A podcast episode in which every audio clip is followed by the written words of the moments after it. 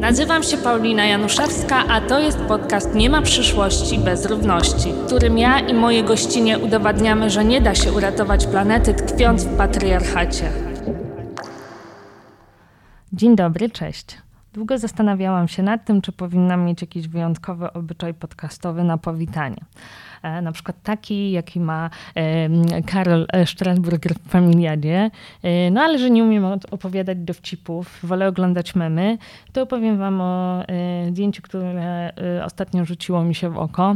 To był smutny pies z podpisem Tęsknię za czasem, w którym moim największym zmartwieniem było to, czy zdążę zrobić zakupy przed godzinami dla seniorów.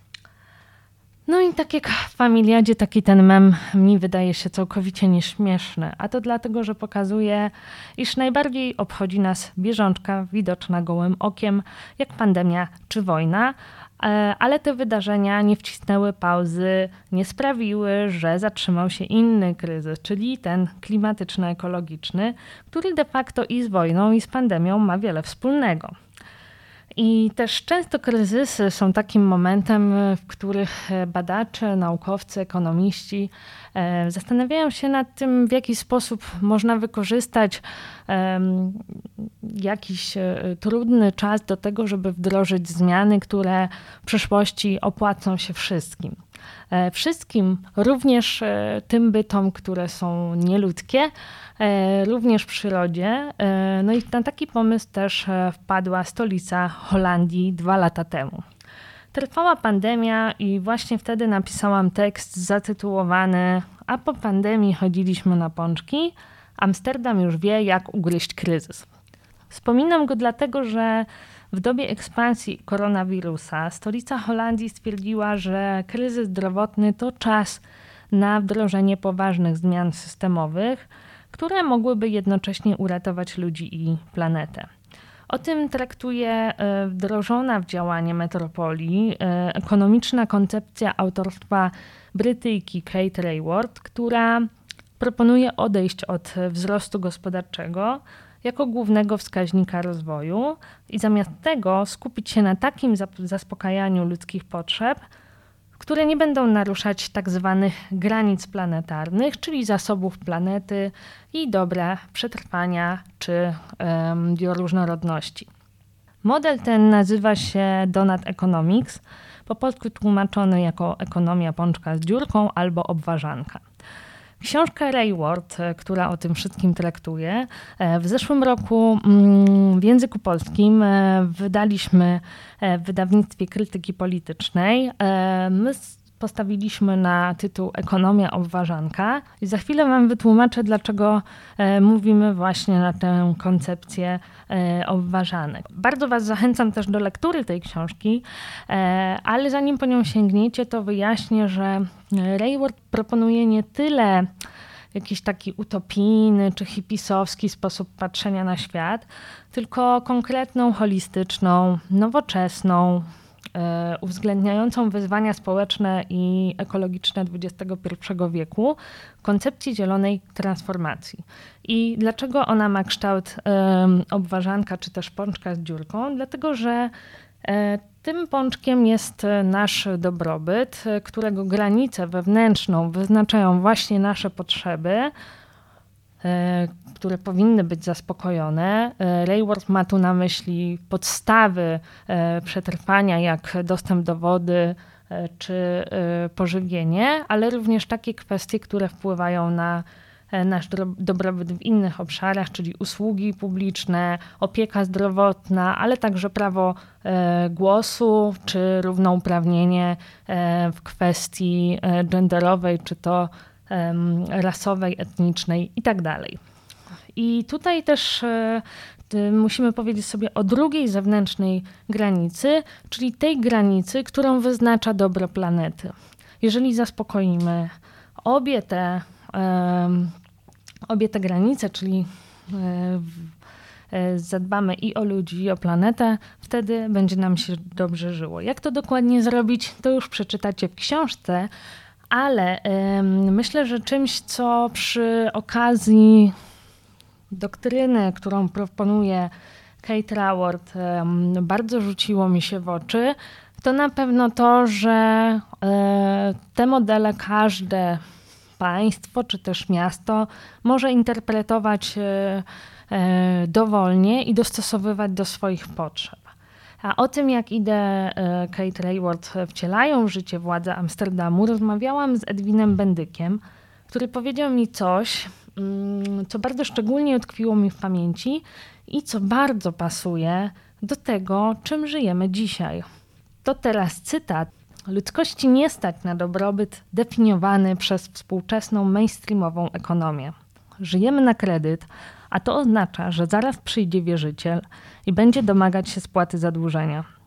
Tym wierzycielem jest natura, która na razie wysyła swojego pierwszego komornika koronawirusa. Za chwilę jednak przyjdą kolejni. Susza, pożary lasów, kolejne pandemie, a także powodzie. Amsterdam o tym wie i zdaje sobie sprawę, że ilościowe obliczanie dobrobytu jest złudne, a dalsze zapożyczanie sił ziemi niebezpieczne. I e, jeszcze jeden cytat z Edwina Bendyka. Warunkiem dobrego życia w oczach Holendrów przestaje być zasobność portfela. Zamiast tego chcą oni postawić na wysoką jakość usług publicznych oraz zaspokojenie podstawowych potrzeb społecznych. Widząc, że w wyniku pandemii grunt stabilności osuwa się pod wszystkimi, Amsterdam przymierza się do głębokich przemian gospodarczych, by nie zmarnować kryzysu i potraktować go jak próg wejścia w nowy ład. I to jest taki moment, w którym myślę sobie, że wielu z nas, czy wiele z nas myślało o kryzysie jako właśnie tym progu wejścia w nowy ład. To się nie wydarzyło. E, teraz mamy kolejny kryzys e, wojenny i zdaje się, że nie za bardzo wiemy, jak sobie z tym wszystkim poradzić. I te słowa są wciąż aktualne, dlatego, dlatego że w miejscu pandemii możemy sobie e, tutaj włożyć kolejne kryzysy. E, dzisiaj e, na, w szczególny sposób na dźwięk słowa kredyt wszystkim jeżą się włosy na głowie, tylko znów w tym świecie skoncentrowanym na zysku tu i teraz oraz takiej ekonomii, która nie uwzględnia m.in. kosztów środowiskowych, zapominamy o tym, że mamy do opłacenia najważniejszy rachunek, czyli ten, z którym zalegamy u ziemi. I o tym przypomina nam właśnie Dzień Długu e, Ekologicznego, który w tym roku przypadł na 28 lipca. Z tej okazji członkowie i członkinie WWF Polska, Młodzieżowego Strajku Klimatycznego i Rodziców dla Klimatu przekazali ministrze środowiska i klimatu Annie Moskwie symboliczny list windykacyjny z wezwaniem do spłaty długu. To wydarzenie bardzo ważne, dlatego że przypomina nam o tym, w jakim momencie tracimy całkowicie zasoby, e, które Ziemia może e, odnowić w ciągu 365 dni. Aktywistki i aktywiści mówili o swojej akcji tak. 28 lipca ludzkość wykorzysta wszystkie zasoby naturalne Ziemi, które mogą odnowić się w ciągu roku.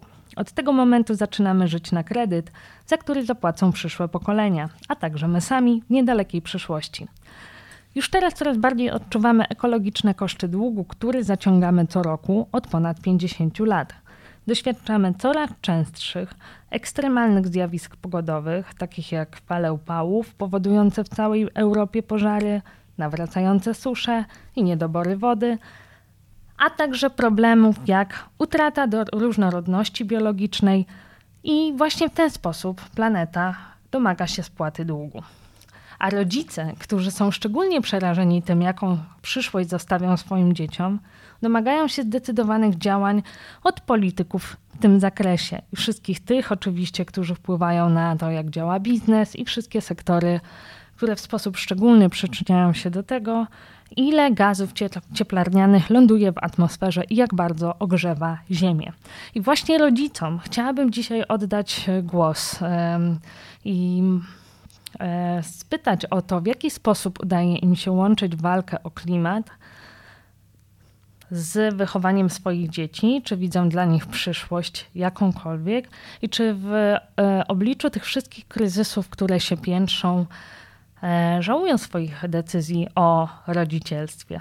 Dzisiaj jest ze mną e, jedna z mam działających e, dla klimatu, e, Kamila Kadzidłowska, która jest mamą trzech synów, jest wkurzoną obywatelką i ekofeministką, na co dzień działającą w branży mediowej, medialnej i też zajmuje się aktywistycznie właśnie działalnością dla klimatu w ramach organizacji Rodzice dla Klimatu i tej międzynarodowej, która nazywa się jak? Przypomnisz mi Kamilo? Jasne. Parents for Future Global. Dokładnie tak. Bardzo się cieszę, że przyjęłaś zaproszenie do mojego podcastu e, i wspaniale Cię widzieć. Dzień dobry.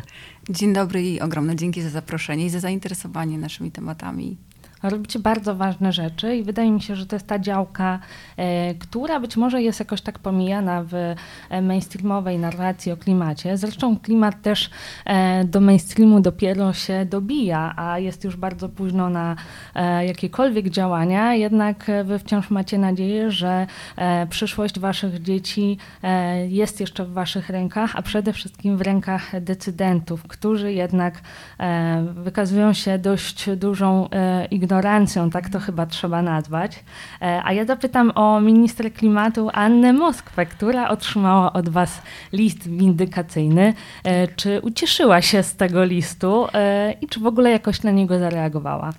Właśnie niestety nie jestem w stanie na to pytanie odpowiedzieć, dlatego że pomimo tego, iż WWF, który był głównym inicjatorem tej akcji, przypomnę, oprócz nas, Rodziców dla Klimatu, był właśnie tam WWF oraz Młodzieżowy Strajk Klimatyczny. Chcieliśmy tak międzypokoleniowo też wypowiedzieć się na temat, na temat tego, tej sytuacji, w której teraz jesteśmy w kontekście opieszałości działań naszego ministerstwa, ale byliśmy bardzo otwarci na dialog i tutaj pomimo starań wcześniej e, prób e, no, spotkania się i wręczenia tego listu osobiście, no, zostaliśmy po prostu totalnie zignorowani.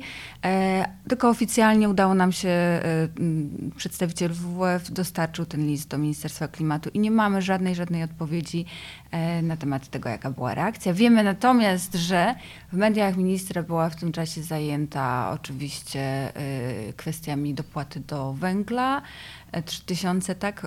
Nie wiem też, kiedy będziemy odsłuchiwać, kiedy kto odsłuchuje tego, e, tego nagrania, ale to jest bardzo gorący temat aktualnie, e, tego, że zamiast e, Ministerstwo Klimatu zajmuje się Ministerstwem tak naprawdę węgla i, jakiejś takiej destrukcji i oferuje ludziom w dobie kryzysu klimatycznego, kryzysu planetarnego, zanieczyszczenia powietrza w Polsce, które jest tak ekstremalne, e, jako rozwiązanie na kryzys energetyczny, do którego e, właśnie taka opieszała polityka i dekady zaniechań w kwestii transformacji energetycznej doprowadziły.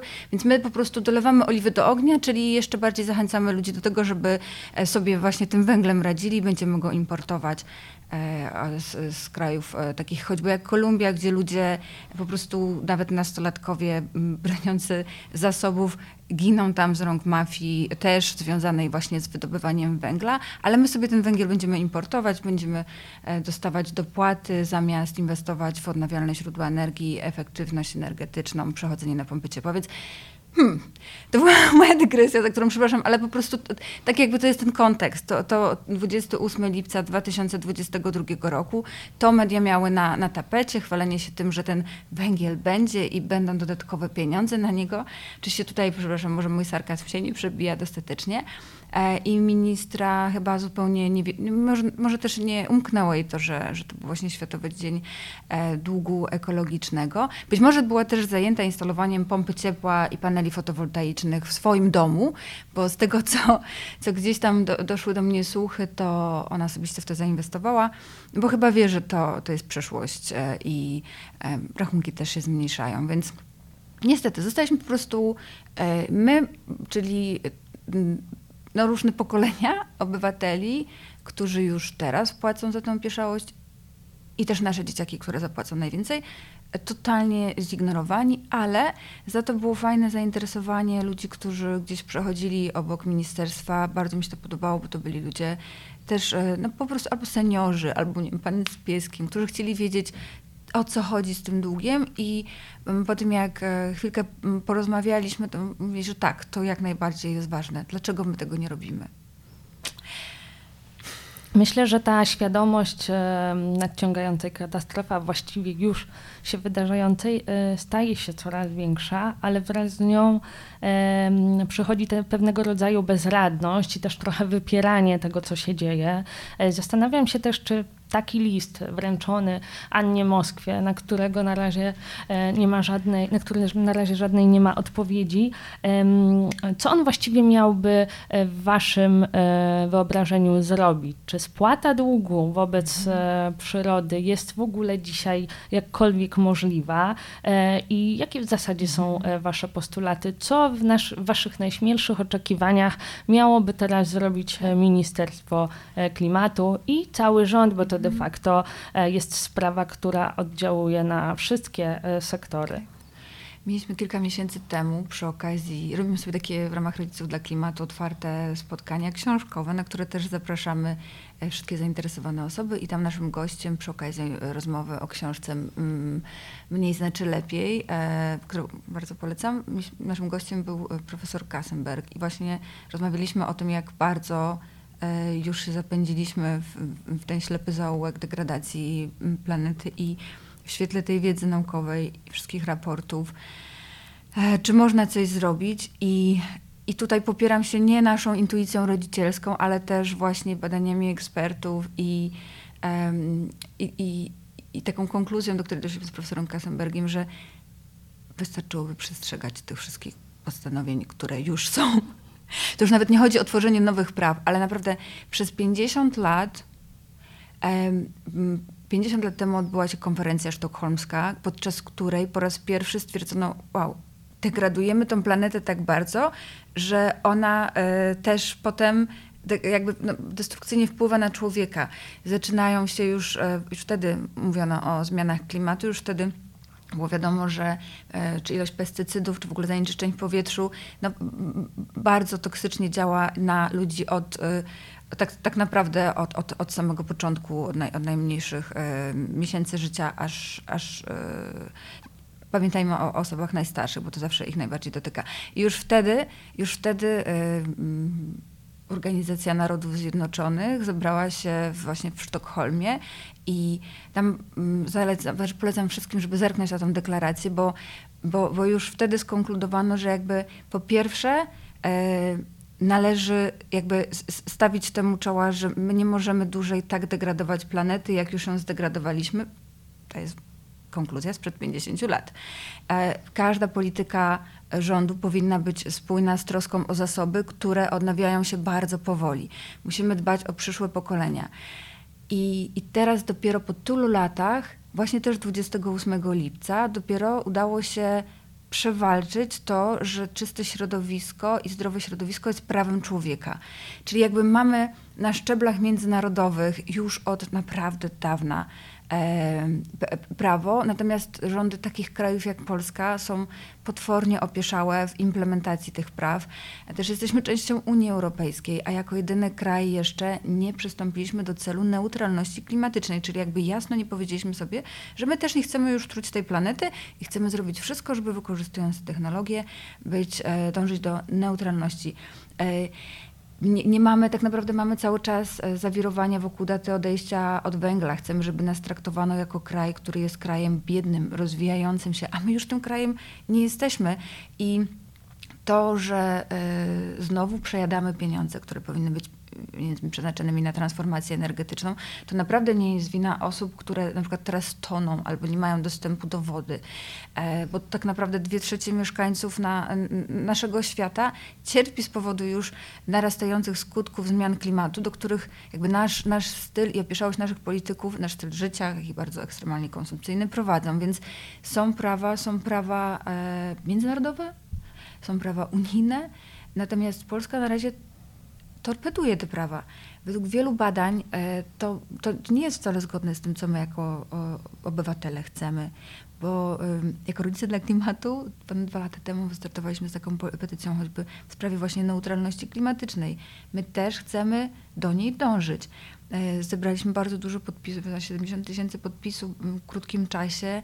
E, były też badania, że naprawdę Polacy to popierają. Natomiast jakby znowu nasze władze w tych kwestiach milczą, ewentualnie ewentualnie powołują właśnie takich ministrów, którzy zajmują się promocją paliw kopalnych, zamiast odchodzeniem od nich. Więc naszym celem tego listu tego listu, który jest e, takim wezwaniem, tam jest takie sformułowanie, zachęcam do też przeczytania sobie gdzieś w internecie, że, że ponieważ my już przejedliśmy te wszystkie zasoby, które są w stanie się odnowić, to wzywamy ministrę właśnie do działań na tych wszystkich polach, do których jest obligowanie, to choćby porozumienie paryskie też. Chyba, że mamy jeszcze jakąś alternatywną planetę.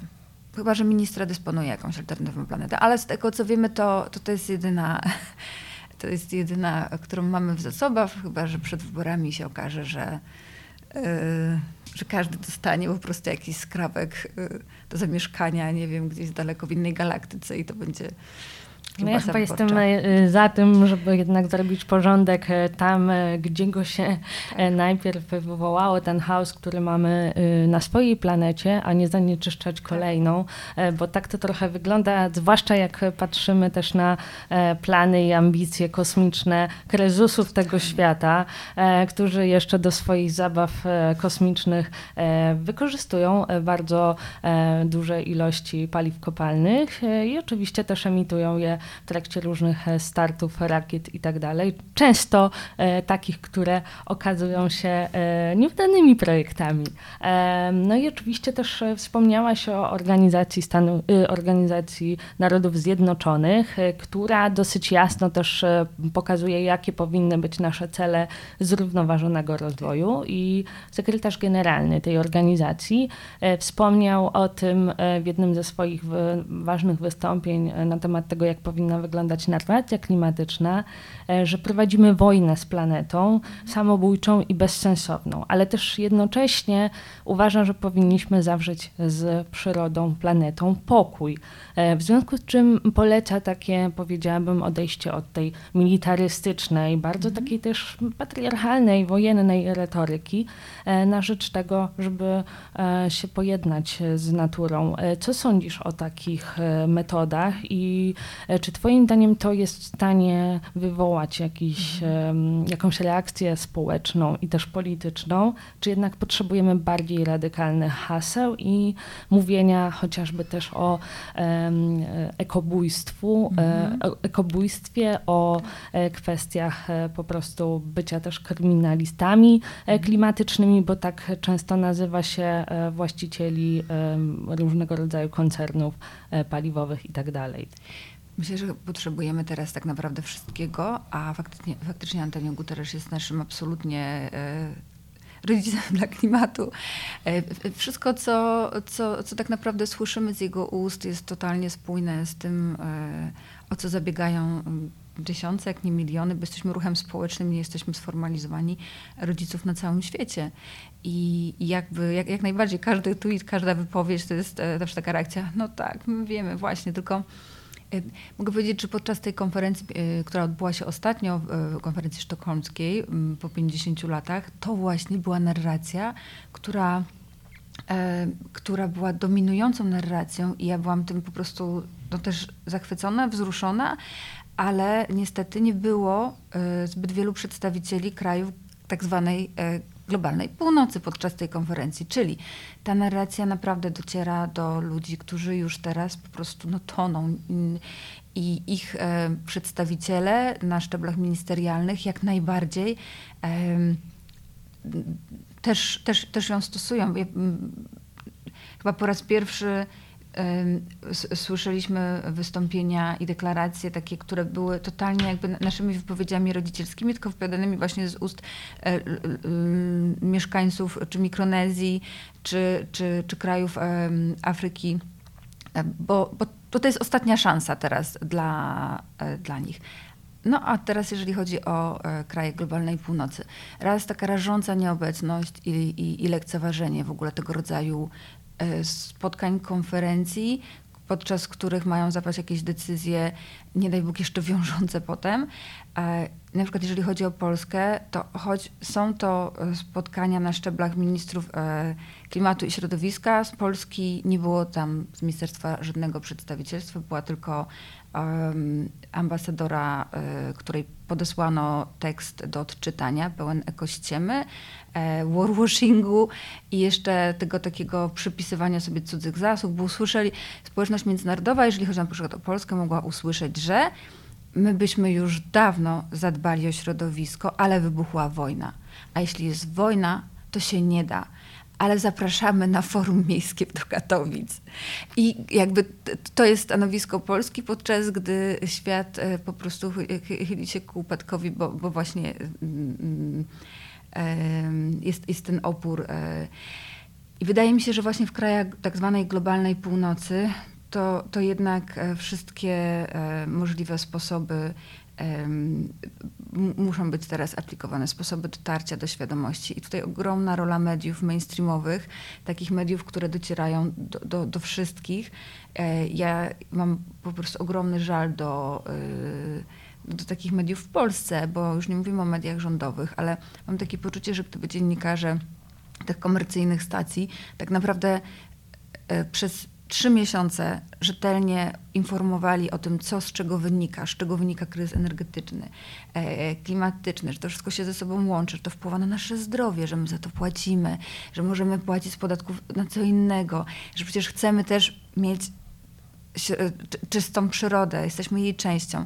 Trzy miesiące takiego łączenia kropek z pomocą dziennikarzy, którzy są w telewizorach, ludzi w Polsce, wszędzie i mamy, e, i mamy naprawdę zupełnie inną jakby debatę i, i, świadomość, już nie wspominając potem o edukacji e, klimatycznej w szkołach. Więc bardzo bym chciała, e, super robotę odwalają organizacje, ruchy klimatyczne albo właśnie takie media jak wasze. Natomiast no, cały czas to jest nisza jakaś, prawda? I, I, zastanawiamy się z rodzicami dla klimatu, jakby co zrobić, żeby ci dziennikarze mediów mainstreamowych e, chcieli się być może też, e, nie wiem, do, dokształcić, bo, bo rozumiemy, że czasami te, media po prostu wydaje mi się, że, że, że to nie chwyci. Nie grzejemy tego tematu, bo, bo akurat ten polityk powiedział coś i, i temu poświęcają ten czas antenowy, a to jest naprawdę e, po prostu mega nieodpowiedzialne.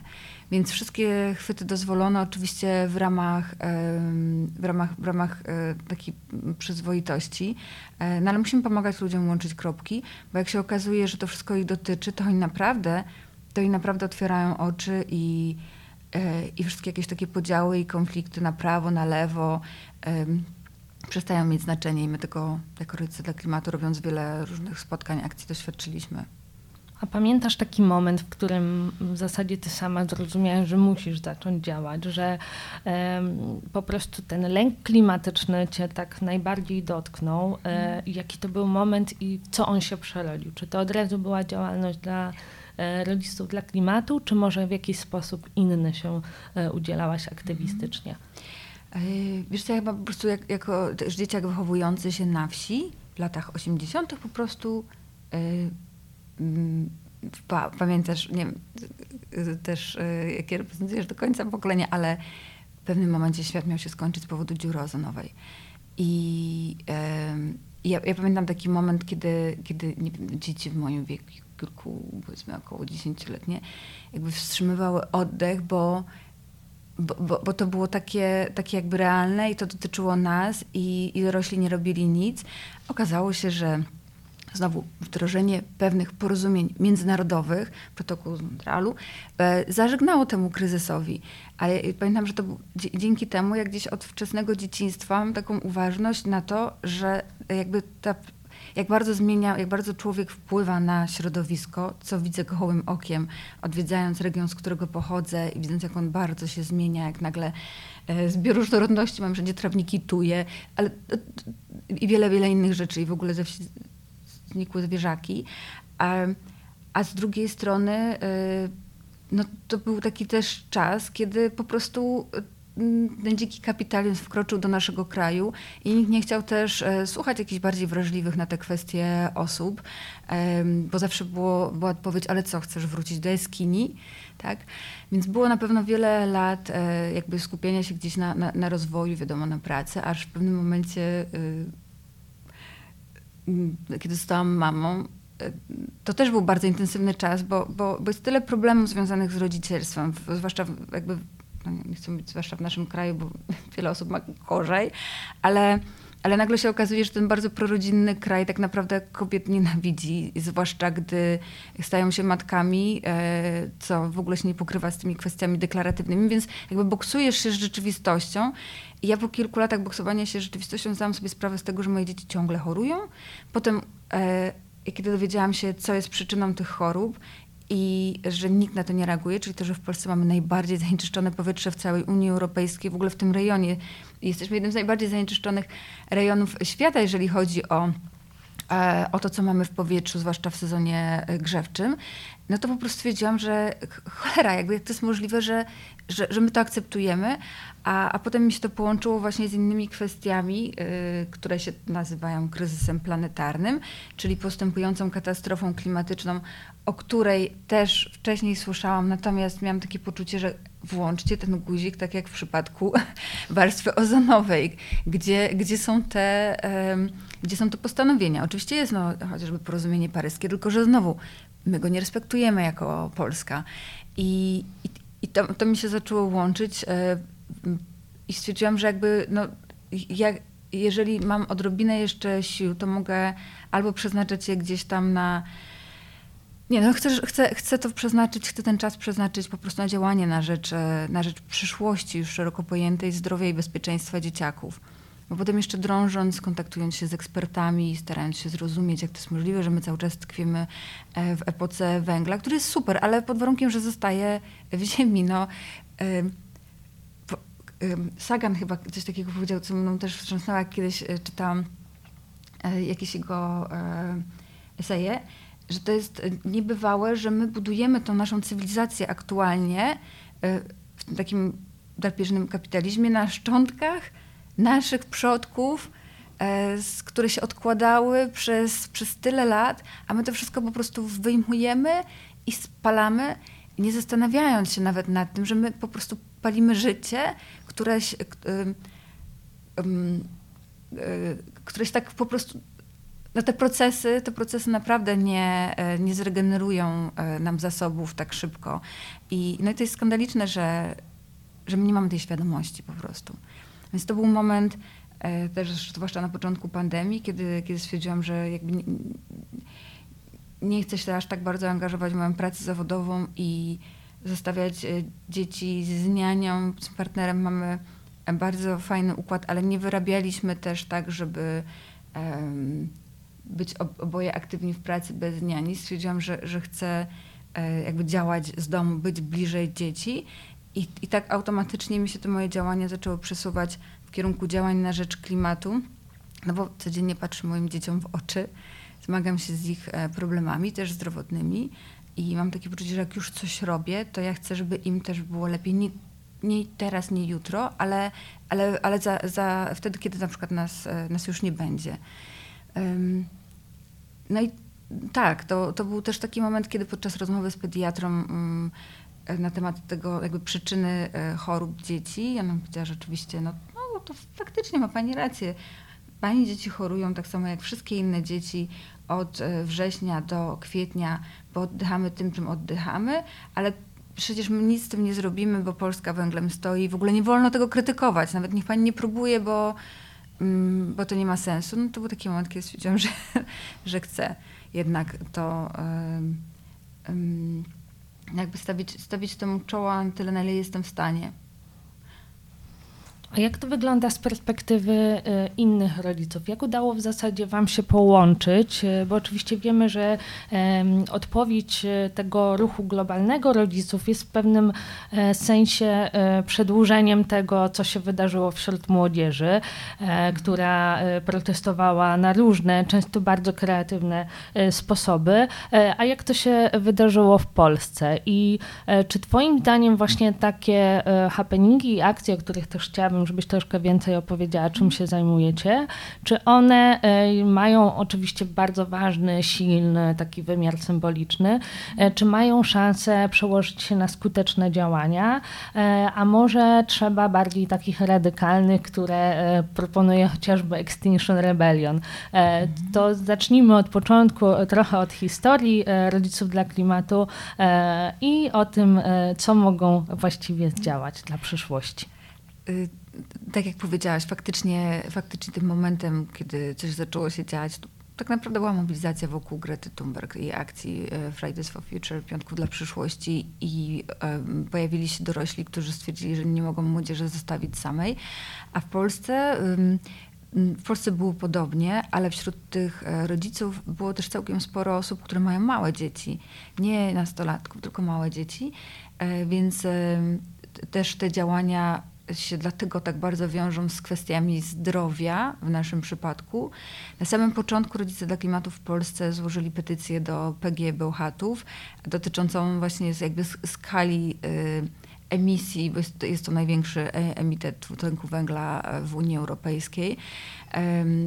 I tam było bardzo dużo kombinacji ze strony PG, y, jak te emisje ukrywać, tak samo jeżeli chodzi o, o, o otrucie e, siarką, więc tak, to dotyczyło, dotyczyło właśnie PGE, natomiast e, no, nie udało się też spotkać z, zarządem, ale, ale to był taki pierwszy symboliczny moment, e, który sprawił, że gdzieś rodzice zaczęli być widoczni w przestrzeni medialnej, internetowej i e, każde pojawienie się gdzieś właśnie w mediach albo, albo, albo gdzieś przy okazji jakiejś, jakiejś akcji sprawia, że nagle o tym słyszy jakiś inny rodzic, który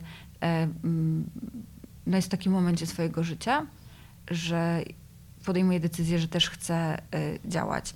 I, I potem już nie jest trudno się znaleźć przez, przez sieć, przez internet. I, I teraz naprawdę jest nas mm, całkiem sporo, ponieważ chcemy być ruchem społecznym, e, mm, co ma wiele mm, też minusów, tak? E, więc jakoś tak się nie liczymy po prostu y, jest mnóstwo rodziców, którzy działają e, w, różnych obszarach. E, potem się na przykład wyciszają, bo muszą się zająć e, wiem, pracą, czymś innym, a potem, potem też jakby wracają. Natomiast mobilizujemy się wokół różnych tematów w różnych miejscowościach w Polsce. I to jeszcze przed nami, czy, czy będziemy chcieli się sformalizować, czy nie. Bo są takie ruchy rodzicielskie na całym świecie, które podjęły decyzję o sformalizowaniu się. Na przykład jest Our Kids Climate, e, też fantastyczny ruch rodzicielski i, on ma, e, no, działa świetnie po sformalizowaniu. Mm, natomiast e, tak, w większości na chwilę obecną jesteśmy rodzicami mniejszych dzieci, które nie są w stanie zawalczyć teraz o siebie. To tak jak w przypadku przemocy, jakby dziecko, które, które doświadcza małe dziecko i nie jest do końca też tego świadome, bo nie jest w stanie nazwać tych wszystkich e, zjawisk, które się dzieją wokół niego.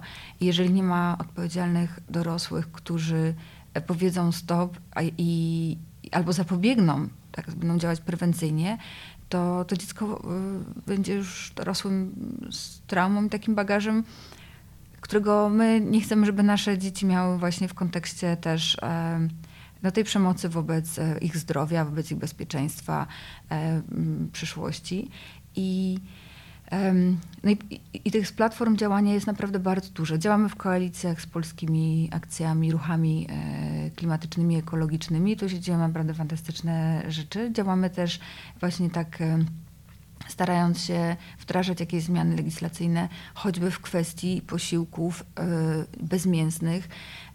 Bardzo, bardzo intensywnie wspólnie z Green Revem walczymy o to, żeby, żeby posiłki wegańskie były dostępne dla dzieci e, w szkołach i w przedszkolach, żeby to była e, dla alternatywy bezmięsnej, żeby to nie były naleśniki z serem i wszyscy wciąż myślą, że to jest wegetariańskie albo wegańskie, wszystko jedno, a to jest naprawdę no, nie mówiąc już o, o tym, jak bardzo szkodliwe dla zdrowia naszych dzieciaków, y, to też właśnie w, pamiętajmy o wpływie na planetę, cały czas ten y, subsydiowanie przemysłu mięsnego i mleczarskiego. Więc tutaj rodzice wspólnie z Green Revem na różnych szczeblach działają. Oprócz tego mieliśmy obrady Okrągłego Stołu dla Edukacji Klimatycznej. No i znowu jesteśmy w takim punkcie, gdzie w Polsce Ministerstwo Edukacji zupełnie nie jest zainteresowane e, edukacją, prawdziwą edukacją klimatyczną, która powinna być po prostu w, w, ramach absolutnie każdego przedmiotu w szkole, bo to można o tym mówić i przy okazji e, omawiania lektury z języka polskiego, mówiąc o kontekście, e, nie, nie, tylko na biologii, tak? E, nie wspominając już o, o, o po prostu takiej narracji tego, jak, że my jesteśmy częścią przyrody, która powinna być e, absolutną normą też e, w szkole. Więc i na, działamy i na takich e, płaszczyznach, które mają szansę stać się potem częścią jakiegoś ustawodawstwa, jeżeli władze będą ku temu przychylne, i na takich płaszczyznach edukacyjnych dostępnych dla zainteresowanych obywateli. E, robimy różne, różne e, akcje też. Mamy w planach wiele, bierzemy udział w różnych eventach, ale też staramy się przełamywać takie bariery, które nasze władze, nie tylko te, ale też poprzednie tworzyły. I bardzo zależało nam na tym, żeby zrozumieć tak naprawdę, czy mieszkańcy regionów węglowych naprawdę są tak, jak nam mówiono wcześniej w mediach, że my nie możemy mieć tej transformacji, no bo bo ludzie e, ze Śląska czy z Bełchatowa nie chcą, bo, my im zrobimy krzywdę. Na przykład zrobiliśmy naprawdę dużo, dużo wysiłku, żeby się porozumieć, zrozumieć. Mamy już rodziców działających w naszym ruchu właśnie z tamtych rejonów. Wiemy, jak bardzo przez lata byliśmy po prostu oszukiwani przez władze, którym mm, no, strasznie zależy, żebyśmy zostali przy paliwach kopalnych, które, które poszczególnym osobom, ich rodzinom ze spółek Skarbu Państwa nie tylko dają y, horrendalne zyski. Więc e, tak, tworzenie takiej płaszczyzny do dialogu, gdzie naszym wspólnym celem jest troska o zdrowie e, dzieciaków, o czyste środowisko, to jest taka nasza domena, która się po prostu dzieje. To Wspomniałaś o tej edukacji klimatycznej, która wydaje się tutaj e, kluczowa i e, też ma taki, powinna mieć charakter holistyczny. E, o tym też mówi sporo badań przeprowadzonych również w Polsce przez akademiczki, które wskazują, że właśnie nawet na lekcji języka polskiego można o tym rozmawiać. Natomiast jestem bardzo ciekawa też tej perspektywy rodzicielskiej, to znaczy e, wychowania w takim e, duchu e, szacunku dla przyrody, ale też pewnej troski, która przekłada się też na działania międzyludzkie i międzybytowe. I zastanawiam się, jak Tobie udaje się to wcielać w życie i czy właśnie kwestia wychowania również jest jakimś takim Waszym postulatem, który realizujecie. Wiem, że jesteś mamą trzech synów i, i być może że to też jest e, taki moment, e, kiedy e, musimy się też zastanawiać nad tym, jak niwelować pewne nierówności, które też napędzają kryzys klimatyczny i, i może właśnie też takie wychowanie równościowe, w tym feministyczne, bo też sama mówisz o sobie ekofeministka, są tutaj ważnymi kwestiami. To jak to wygląda w praktyce? Tak.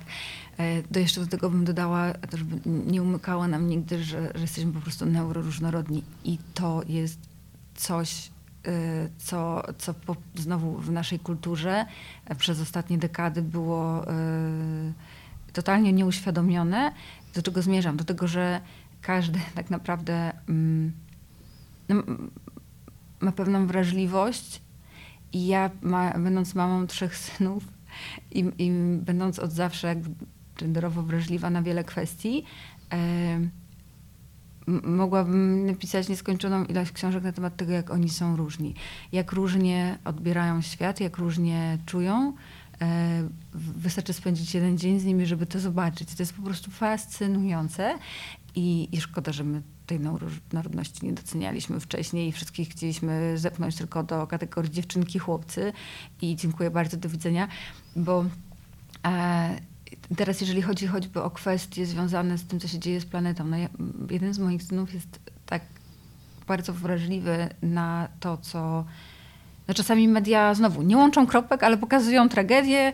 Mamy newsa, w którym widzimy e, płonącą Europę i, i, i to jest według mnie news trochę bez sensu, jeżeli się nie wytłumaczy, dlaczego te temperatury urosły, że my kontynuując znowu e, tą gospodarkę opartą na spalaniu paliw kopalnych, do tego pieca dokładamy i tak dalej, i tak dalej. No ale dzieciaki widzą właśnie takie ostre obrazy. I na przykład jeden z moich synów po prostu jakby jest tym tak przerażony, że on nie jest w stanie usiedzieć w miejscu. Potrzebuje usłyszeć, jakie będzie rozwiązanie, kto się tutaj wydarzy, albo po prostu jest, bardzo się frustruje, wiedząc, że my jako ludzkość mamy y, wszystkie narzędzia do tego, żeby żeby do tego pieca nie, nie, dokładać, a mimo to, to robimy. Więc jakby z, no, z, nim troszkę inaczej o pewnych kwestiach rozmawiam, bo on taką naturalną swoją wrażliwość, ogromną empatię ma.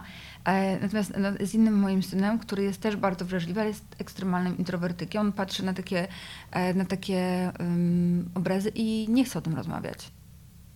Ale ponieważ my o tym gdzieś rozmawiamy przy okazji, nie wiem, jazdy rowerem, e, znajdują się momenty, kiedy padają jakieś e, pytania i z jego strony i wtedy, wtedy mm, Mm, jakby ja czuję, że lepiej, jeżeli wtedy mu dostarczam jakiejś wiedzy albo pomagam mu łączyć kropki, niż gdybym powiedziała, słuchaj synu, czy ciebie to nie rusza, że widzisz, że, że, że płonie tutaj, nie wiem, y, y, y, region, do którego kiedyś chcieliśmy pojechać, a, i, i sam mówiłeś, że, że chciałbyś tam może kiedyś zamieszkać.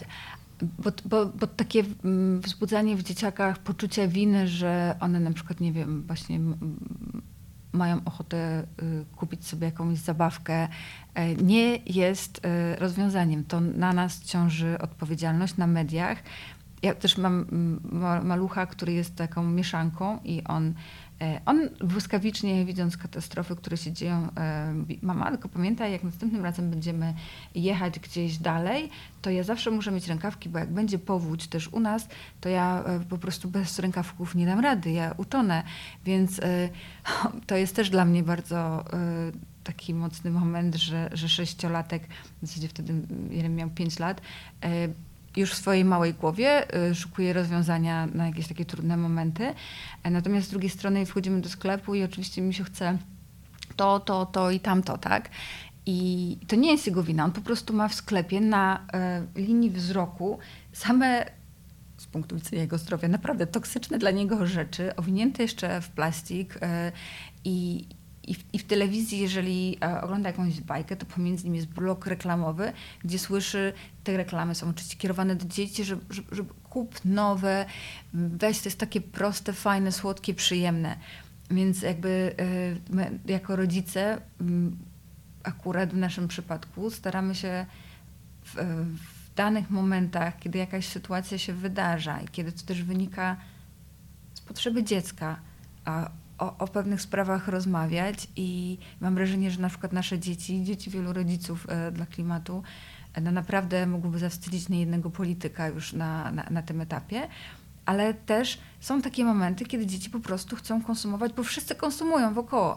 I oczywiście my, e, przynajmniej takie jest u nas w domu, nie jesteśmy ortodoksyjni, jeżeli o to chodzi. Absolutnie nie jesteśmy. A ja bym bardziej, mm, może była na to gotowa, ale boję się, że jeżeli y, no nie wiem, będziemy też zmuszać nasze dzieci do tego, to to przyniesie odwrotny efekt, a widzę, że, że, że uświadamianie, właśnie łączenie choćby też kwestii wojny w Ukrainie, która bardzo też dzieciakami wstrząsnęła, pomaga im potem podejmować racjonalne decyzje i być bardziej asertywnymi wobec tego wszystkiego. Więc to jest nasz sposób. I inni rodzice, w zależności też od wieku i znowu od wrażliwości dzieci, mają podobne albo inne e, sposoby. E, świetnym pomysłem jest też spędzanie czasu w przyrodzie, w naturze, bo, bo, chcąc, nie chcąc, nawet w edukacji e, dzieci są po prostu przebodźcowane elektroniką i Kacper Jakubowski, z którym ostatnio mieliśmy przyjemność też się, się poznać, e, który prowadzi taki projekt Dzieci w Naturę, e, zaleca i my też zalecamy wszystkim właśnie to, żeby gdzieś równoważyć ten czas spędzony dzieci przed, z elektroniką i z przedmiotami, z czasem w naturze, ze zwykłym spacerem, który ma jakiś cel, dojście do jakiegoś drzewa i, i to fantastycznie robi całej rodzinie, też nie tylko dzieciom. Myślę, że tutaj takie trzy e, ważne jakości, które mi się e, wyłaniają z Twoich wypowiedzi, to jest troska, komunikacja i uważność. I e, zdaje się, że, że tego nam bardzo brakuje w ogóle w jakichś takich kontaktach międzyludzkich, co tylko pozwala zrozumieć, że kryzys klimatyczny to jest też kryzys naszych ludzkich więzi e, i pewnego takiego odcięcia się też od natury. E, bardzo dobrze byłoby to zmienić i zdaje się, że na pewnych poziomach to już postępuje. A z Twojej perspektywy, jak to wygląda? Jak byś oceniła właśnie świadomość społeczną na temat zmian klimatu? Czy widzisz coś takiego i czy widzisz to też pewną nadzieję być może w, młodym, w młodych pokoleniach, które rzeczywiście bardzo angażują? Angażują się w, chociażby w strajki klimatyczne. E, czy to ci daje nadzieję, napędzać cię też również do działania? E, czy może jednak ten lęk o przyszłość jest e, decydujący i najsilniejszy?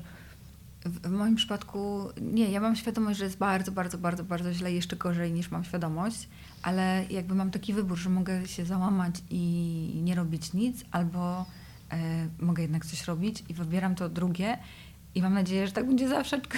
Nie wiem, e, nie wiem na ile e, e, różne są momenty w życiu, ale na chwilę obecną naprawdę nie, nie chciałabym zawieść nie tylko nawet swoich dzieci, ale jak gdzieś czuję, że my, choć tak bardzo jesteśmy podzieleni, to jesteśmy po prostu na maksa częścią tej wszyscy planety i przyrody i to, to takie samobójcze właśnie, to czym wspominał też Antonio Guterres, działanie, no to akurat nie jest jakby coś, co to nie jest kierunek, którym, e, którym chciałabym podążać, taka autodestrukcja i jeszcze zabieranie ze sobą wszystkich innych do tego, do tego naszego smutnego grobowca. E, więc czy widzę zmianę w naszym społeczeństwie? Tak, ale widzę też bardzo dużo. Im bardziej my się robimy świadomi tego wszystkiego, jak coś, co wynika z czego i, i co robić albo czego nie robić, tym mocniej e, lobby, które dokłada się do tego zniszczenia, e, działa i wymyśla takie sposoby, które e, po prostu sprawiają, że my się znowu cofamy. Bardzo polecam wszystkim publikację Michaela Imana, Nowa wojna klimatyczna, która po prostu naprawdę e, na przykładach, o których słyszeliśmy znowu przez nieodpowiedzialne media, nie do końca opowiedzianych e, solidnie, e, widzimy jak świat idzie, czy też właśnie no, dzięki ludziom, którzy działają na, na, na, na rzecz, chciałam powiedzieć przyrody, ale no na, na rzecz nas wszystkich, bo nie oddzielajmy się od tej przyrody. Więc im więcej im więcej e, jest szans na to, żebyśmy, żebyśmy jednak nie e, zmierzali ku zakładzie, implementowali prawa, które już są, tym intensywniej zaczyna działać e, dezinformacja, manipulacje przy wyborach, nagle wybory wygrywają ludzie w krajach takich, które są. No, teraz oczywiście nawiązuje do wątpliwych wyborów Trumpa w Stanach Zjednoczonych i tego, jaki wpływ na te wybory też e, miała Rosja i, i Putin. W ogóle, jak sobie prześledzimy tak naprawdę jakby działania tego człowieka, Putina, od momentu, kiedy, kiedy, kiedy gdzieś tam był w kuluarach władzy, jeszcze zanim przejął władzę, i to jego jakby. No, mm, jego związki ze spółkami e, paliwowymi, uzależnianie świata zachodu od konsumpcji tych paliw kopalnych, to mm, ja mam, miałam takie poczucie, jak e, rok temu, e, właśnie chyba czytałam tam publikację Nowa wojna klimatyczna, że skoro my idziemy teraz tak bardzo do przodu, to przecież jakby tacy ludzie jak Putin, którzy, których horrendalne bogactwo jest zbudowane na tych paliwach kopalnych, przecież nam nie pozwolą teraz przejść na odnawialne źródła energii. E, przecież za, za chwilę coś się wydarzy. I, i mam, mamy takie wrażenie, że właśnie im bardziej, im większa jest ta świadomość i parcie nas ku temu, żebyśmy wszyscy jednak nie spłonęli, żebyśmy skorzystali z tych rozwiązań, które są na stole, ograniczyli trochę konsumpcję, e, gdzie nigdzie nawet bardzo ale i, i, zaczęli inwestować pieniądze nie w to, co nas zabija, ale w to, co nas też regeneruje, tym mm, właśnie wybuchają jakieś takie y, tematy, konflikty, wojny, dramaty, które sprawiają, że nagle znowu wielcy tego świata zblatowani z systemem, powiedzą nam, że no cóż, moglibyśmy w tym kierunku pójść, ale niestety nie możemy, bo musimy zająć się tym konfliktem. Dlatego na przykład w przypadku Polski zamiast ograniczyć e, zużycie ropy e, czy węgla i przeznaczyć te pieniądze znowu w, e, w, w realizację celów, zresztą zgodnych z polityką klimatyczną Komisji Europejskiej, no to my będziemy teraz zmieniać po prostu dostawców tych surowców, już bez względu na to, co się dzieje w, w, ich krajach, jakie są tam demokracje. Więc im bardziej jesteśmy świadomi, tym bardziej to lobby y, walczy o, o, o zachowanie y, jednak tych wszystkich swoich, tego, tego ładu, tego, tego ładu, który absolutnie nam nie służy. I to widać na konferencjach klimatycznych, gdzie no, w Glasgow największą grupą lobbystów byli lobbyści za paliwami kopalnymi, co jest skandalem na konferencji klimatycznej, a jednak jakby to wyjaśnia, dlaczego poruszamy się w takim tempie. No i dlaczego też media mainstreamowe, które bardzo często też są związane z spółkami paliwowymi, tak jak w przypadku polskiego komercyjnego medium Polsatu, i, i, tutaj pewnie trudno jest im mówić o odchodzeniu od węgla, kiedy, kiedy, kiedy jakby Wielkopolska węglem stała w spółkach ZEPAK-u, ale no musimy się o to upominać. I jeżeli my jako obywatele nie będziemy tego robić, to, to, to, to bądźmy pewni, że, e, że, no, że ten pociąg, jak to Greta Thunberg zawsze mówi, rozpędzony będzie jednak e, zmierzał ku katastrofie. Ja myślę, że też wspomniałeś właśnie o, o, mediach, które być może mają trudność ze względu na swoich sponsorów, ale ja bym powiedziała, że nie zawsze tak jest, że e, są serwisy klimatyczne na, na wielu e, portalach, e, a obok reklamy samochodów i koncernów paliwowych tak. i jakoś nikt nie ma z tym problemu. I to jest też coś, o, o co walczymy teraz, żeby zakazać w ogóle reklam paliw kopalnych. Jest nawet taka petycja do podpisania na poziomie europejskim i wydaje mi się, że o tym też warto wspomnieć. Na pewno e, dodamy do tego odcinka link, e, gdzie będziecie mogli to zrobić i śledzić. E, a ja jeszcze Cię zapytam o trochę kontrowersyjną kwestię, czyli takie zarzuty, które pojawiają się wobec być może, nie wiem czy Wy też je słyszycie jako rodzice dla klimatu, że mamy przeludnioną planetę, no i że jednak rosną te postawy antynatalistyczne w związku z czym dzisiaj walczycie o to, żeby e, przyszłość waszych dzieci e, była jak najlepsza, ale jednak sprowadziliście je na ten straszny świat. E, to, to może brzmieć bardzo trudno, ale zastanawiam się, czy z takimi zarzutami się mierzycie, bo ja je gdzieś tam w różnych środowiskach słyszę i jestem ciekawa, jak, jak się z tym mierzysz i też w jaki sposób starasz się też e, dbać o własny dobrostan psychiczny mhm. jako matka, e, bo to też jest myślę ważne i dla wielu osób, które nas słuchają i mają dzieci, to jest e, też istotne i być może będzie wspierające. Tak, zmierzam, mierzymy się z takimi komentarzami, ale bardzo szybko jesteśmy w stanie jakby dać im odpór bo jakby to, to nie jest kwestia znowu ilości tego, ile ktoś ma dzieci, ktoś może nie mieć dzieci, a generować e, takie emisje i takie, takie zniszczenie środowiska wokół siebie i gdzieś tam po drugiej stronie globu, e, że tutaj mm, no wystarczy spojrzeć na to, ile konsumuje e, jakaś znana celebrytka, która może nie mieć dzieci, czy celebryta, albo, albo mm, no, osoba mieszkająca, nie wiem, w, Niemczech, też w Polsce i porównać sobie to do konsumpcji e, przeciętnej e, rodziny w Tanzanii wielodzietnej, tak? Więc tutaj nagle się okazuje, że jednak nie ilość e, członkiń, członków rodziny, tylko po prostu sposób konsumpcji plus oczywiście systemowe możliwości. Więc tu jakby nie ma już dalej a nas to, że mamy dzieci, akurat motywuje do działania, bo pewnie wiele z nas by y, podjęła decyzję, że ok, skoro jest tak źle, to już po prostu nie róbmy nic, trudno, już jakby jest za późno, a, a jednak y, właśnie przez to, że sprowadziliśmy na ten świat osoby, które kochamy najbardziej na świecie, to, to nie jesteśmy w stanie odpuścić. No. I jak sobie z tym e, radzić, e, jak sobie radzić z, z Ogólnie z takimi komentarzami, czy, czy z, ze świadomością? I też ze tak... świadomością, bo to są jednak te dwie sprawy. Tak. Myślę, że komentarze, to już tutaj tak, dałaś komentarze. solidne argumenty, e, z, tego, z, czego bardzo się cieszę, e, ale właśnie mhm. jak to jest w tych trudniejszych momentach? No, to, jest, to jest straszne, jak właśnie jak się jest rodzicem, ale w ogóle jak się kogoś bardzo kocha, no to, to są po prostu yy, zawsze to jest taka cena miłości, tego, że się po prostu te osoby zawsze martwimy.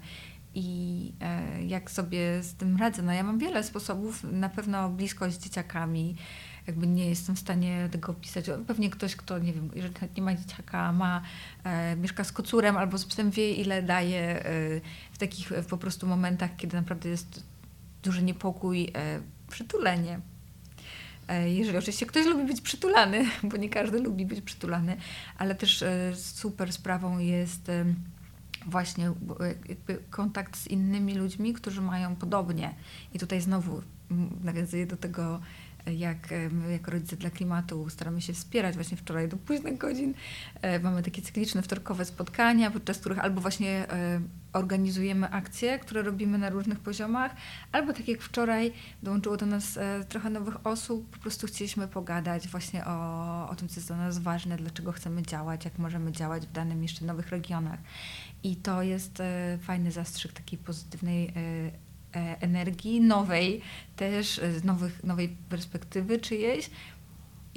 I, i bardzo pomaga w nie, nie podłamywaniu się. Znowu świadomość, że ktoś kogo się zupełnie nie znało z zupełnie innej części, nie wiem, tego kraju, albo też, e, nawiązując do Parents Future Global, z innej części świata, jest zdeterminowany, żeby jednak ta planeta, która jest naszym wspólnym domem, e, nie, nie została zdegradowana i działa.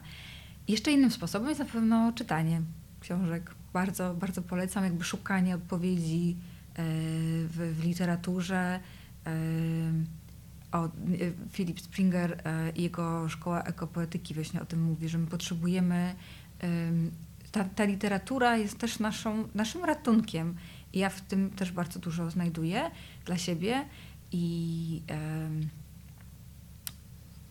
no to są, to są moje osobiste. A, jeszcze bardzo dużym, bardzo dużym yy, takim momentem wytnienia dla mnie jest po prostu kontakt z ziemią, bo odkryłam to yy, miałam taką dużą wyrwę w kontakcie bezpośrednim z ziemią, jako dziecko na wsi wychowujące się, to było absolutnie naturalne. Potem gdzieś tam studia, przeniesienie się do miasta, wiadomo. I, I teraz znowu jako mama, która trochę przystopowała, jeżeli chodzi o życie zawodowe i skupiała się właśnie na tym, o czym wszystkim teraz rozmawiamy, jak mam naprawdę moment, kiedy muszę przewietrzyć głowę albo kiedy wszystkiego jest za dużo, to po prostu wychodzę do ogródka i przekupuję E, sadzę różne rośliny i, i po prostu dbam o ten ogródek i to sprawia, że też jakby się czuję e, bardziej e, i, i, i zrelaksowana i spokojna. No myślę, że ten kontakt z naturą na pewno tutaj powinien być postulowany, byle tylko nie było jej e, coraz mniej, e, bo tak. rzeczywiście e, sama mieszkam w takim miejscu, gdzie nie mam ani skrawka zieleni, a kiedyś czytałam o jakichś badaniach, że ludzie, którzy nie mają za oknem chociażby drzewa, częściej popełniają samobójstwa, więc to brzmi hardkorowo, to prawda, dlatego warto może chociaż w weekend do pobliskiego lasu E, pojechać na chwilę e, bez telefonu. E, myślę, że tak będzie najlepiej. Bardzo Ci dziękuję za tę rozmowę, która jest zdecydowanie optymistyczna i napawa nadzieją, mhm. bo też o tym tutaj rozmawiamy. I też cieszę się, że wspomniałaś o książkach i literaturze, bo pamiętajmy, że kryzys klimatyczny, kryzys ekologiczny to także kryzys wyobraźni. wyobraźni. Oj tak, i jeszcze mogę dodać jedną Jasne. Rzecz. A propos, a propos listów petycji, przypomniałam sobie też o jednej rzeczy, o której też staramy się mówić, przy, zwłaszcza przed zbliżającym się kopem, który będzie w Egipcie i nie mamy zbyt wielkich nadziei a propos, ale chcemy znowu mobilizować ludzi, którzy którzy E, którzy mają świadomość i, i, i, nie chcą, żebyśmy e, obstawali przy, przy destrukcji tej planety i nas wszystkich. Otóż jest inicjatywa e, międzynarodowa, to jest układ o nierozprzestrzenianiu paliw kopalnych, trochę właśnie wzorując się na układzie nierozprzestrzenianiu broni jądrowej, który jednak pomógł trochę przystopować wyścig zbrojeń i też implementacji protokołu z Montrealu, który pomógł przystopować dziurę ozonową. Tak tutaj naukowcy z całego świata wpracowali taki mechanizm, który e, gdyby tylko kraje zgodziły się go przyjąć, oznaczałby to, że przestajemy finansować paliwa kopalne, nowe inwestycje w paliwa kopalne, jakby do widzenia, koniec, nie. Implementujemy politykę, e, która jest zgodna z porozumieniem paryskim, czyli e, wszystko, co mamy na agendzie w naszych krajach, co sprawia, że będziemy dalej przegrzewać planetę, ląduje w koszu i mamy tylko i wyłącznie to ustawodawstwo, które jest E, e, nam wszystkim sprzyjające. I trzecim postulatem tego układu jest e, dostęp do odnawialnych źródeł energii dla wszystkich, sprawiedliwa transformacja dla wszystkich. Więc bardzo apelujemy o składanie podpisów pod takim naszym listem, petycją, pod którą podpisują się rodzice z całego świata. I znajdziecie tą petycję na pewno na stronie rodzicedlaklimatu.org albo na stronie parentsforfuture.com. E, I przesyłajcie, podpisujcie, przeczytajcie, podpiszcie, jeżeli czujecie, że to jest dla Was ważne i prześlijcie znajomym. Dołączam się e, do tych próśb i oczywiście też linki e, do strony e, Rodziców dla Klimatu na pewno znajdziecie w opisie tego odcinka, za który Kamili bardzo dziękuję jeszcze raz, a Was zachęcam do śledzenia kolejnych odsłon i oczywiście do przesłuchania poprzednich odcinków, jeżeli nie mieliście okazji. Rozmawialiśmy o literaturze, rozmawialiśmy o rolnictwie, a także o tym, E, w jaki sposób e, możemy działać aktywistycznie. Dzisiaj e, Mama dla Klimatu była moją gościnią. Do usłyszenia. Cześć. Dzięki.